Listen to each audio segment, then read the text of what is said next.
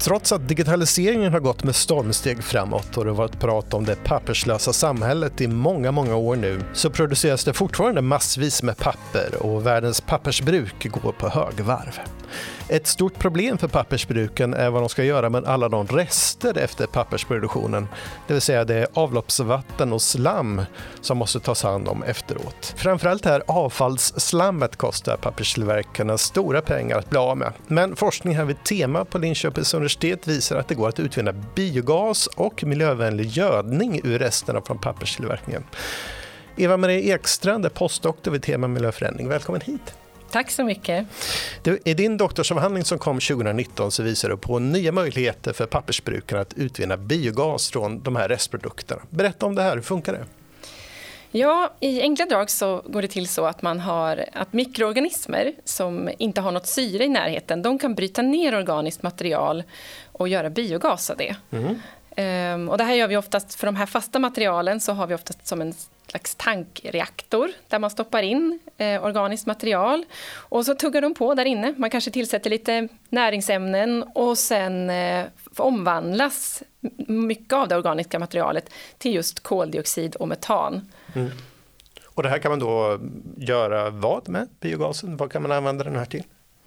Ja, det finns lite olika modeller och just för pappersbruken så skulle man kunna använda det internt, till exempel för att ersätta gasolen i deras torkmaskiner som de använder för att torka pappret. Mm. Där, det här, det här, här har vi en, ett fossilt bränsle som har varit lite svårt att ersätta och där är biogasen väldigt central. Mm, ja, det smart. Eh, men det är också en viktig aspekt att man kan eh, uppgradera biogasen och sen kan man använda den antingen för brukets egna transporter. Det går ju extremt mycket transporter in och ut från bruk när de mm. transporterar allt timmer och pappret ska ut tillbaka sen. Mm. Eller så kan man sälja det till externa aktörer. Mm. Så det finns det både vinst för miljön kan man säga, men även rätt mycket pengar för papperstillverkarna att tjäna på den här tekniken. Ja, absolut.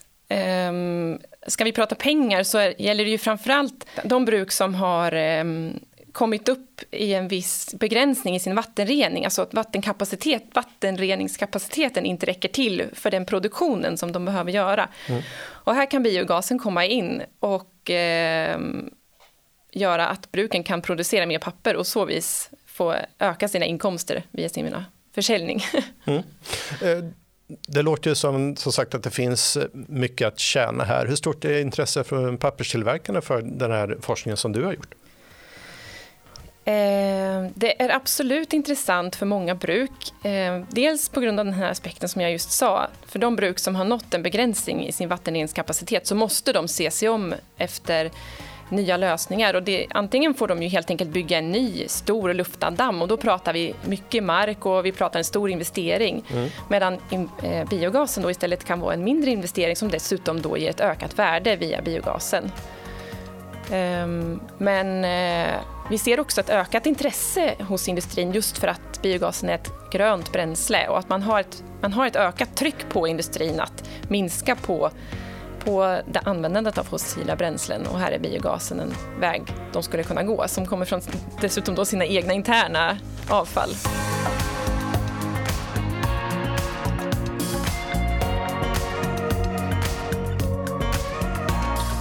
Här på Tema så är det ju tvärvetenskapliga den röda tråden. Här möts olika områden i forskning och ska säga, korsbefrukta varandra eh, i eh, det som kallas för tvärvetenskap. Då.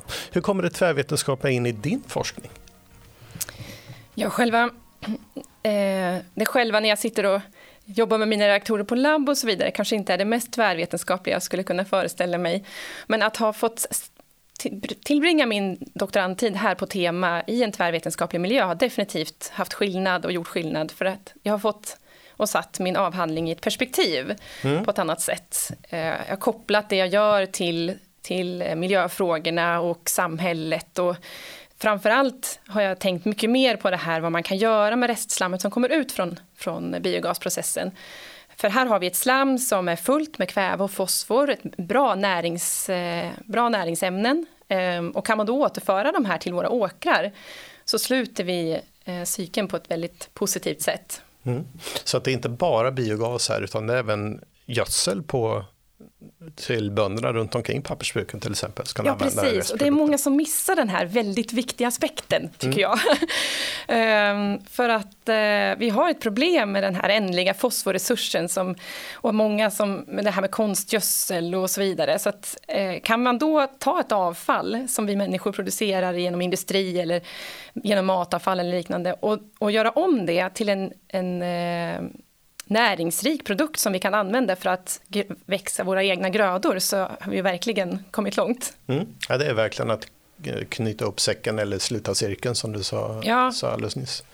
Ehm, det låter som en jätteintressant teknik det här. När tror du att det här blir någon form av standard i pappersindustrin? Ja, så det som jag inte har hunnit gå in på riktigt än är att det finns ju flera olika typer av bruk. Som mm. hur, man kan göra papper på många olika sätt. Mm. Och för en del av de här processerna så är faktiskt biogas en vanlig väg att gå. Eh, inte så mycket i Sverige än. Det, det, finns ett par bruk som gör biogas, bland annat Fiskeby utanför Norrköping. Eh, men i Europa så har det blivit ganska vanligt, så mer i andra europeiska länder så att säga. Mm. Eh, men det finns ehm, en annan typ av process där man har kemisk behandling av trät för att få ut pappersfibrerna. Och här eh, görs inte mycket biogas från de här typerna av resterna. Och det beror på att det finns mycket kemikalier, både från kemikalietillsatserna under processen men också att det löses ut saker från trät själv som gör att mikroorganismerna inte mår riktigt bra. Mm. Och det är därför vi har tittat lite extra på just den här frågan. Hur man kan komma åt det organiska materialet i de här strömmarna. Mm. När tror du att en sån här omställning då, att utveckla mer biogas även kommer märkas i samhället utanför pappersindustrin? Om vi skulle kunna göra biogas på de flesta bruk i världen eller i Sverige och så vidare så pratar vi extremt stora förändringar i biogasproduktionen. Och så, den, de estimat som vi gjorde i början av projektet hur det såg ut då så kunde vi öka hela Sveriges biogasproduktion med 40 procent om vi kunde göra biogas från alla bruk. Så det, det, är mycket organiskt material vi tappar i nuläget som går bara till förbränning eller, eller luftas bort. Mm. Så det låter ju som det finns väldigt mycket vinster att göra om man då får in det här i någon slags stor skala. Då. Ja, absolut. Så man kan ju se det både från den industriella sidan, att man har vinster som du pratar om med av, minskade avfall och biogasproduktion och allt sånt där. Men om man ser det från samhällssidan så har vi ju, eh, det här kan vara en viktig pusselbit i att komma någon vart med att ersätta våra fossila bränslen.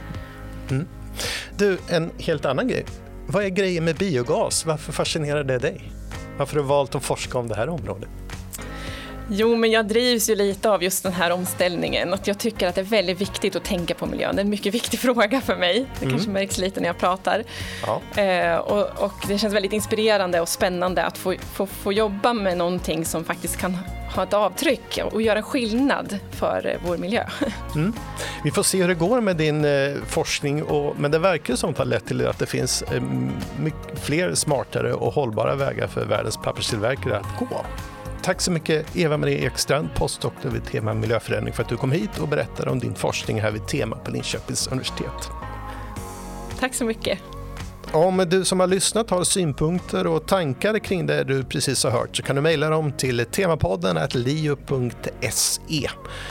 Vill du lyssna på fler poddar från Linköpings universitet så hittar du dem på adressen liu.se podcast. Och om du gillar det du precis har hört så skulle vi uppskatta om du vill gå in på iTunes och betygsätta Temapodden, för då kanske fler lyssnare får möjligheten att lyssna till denna podd. Jag heter Per Wispodebell. Tack så mycket för att du lyssnade på Temapodden och vi är snart tillbaka med fler avsnitt.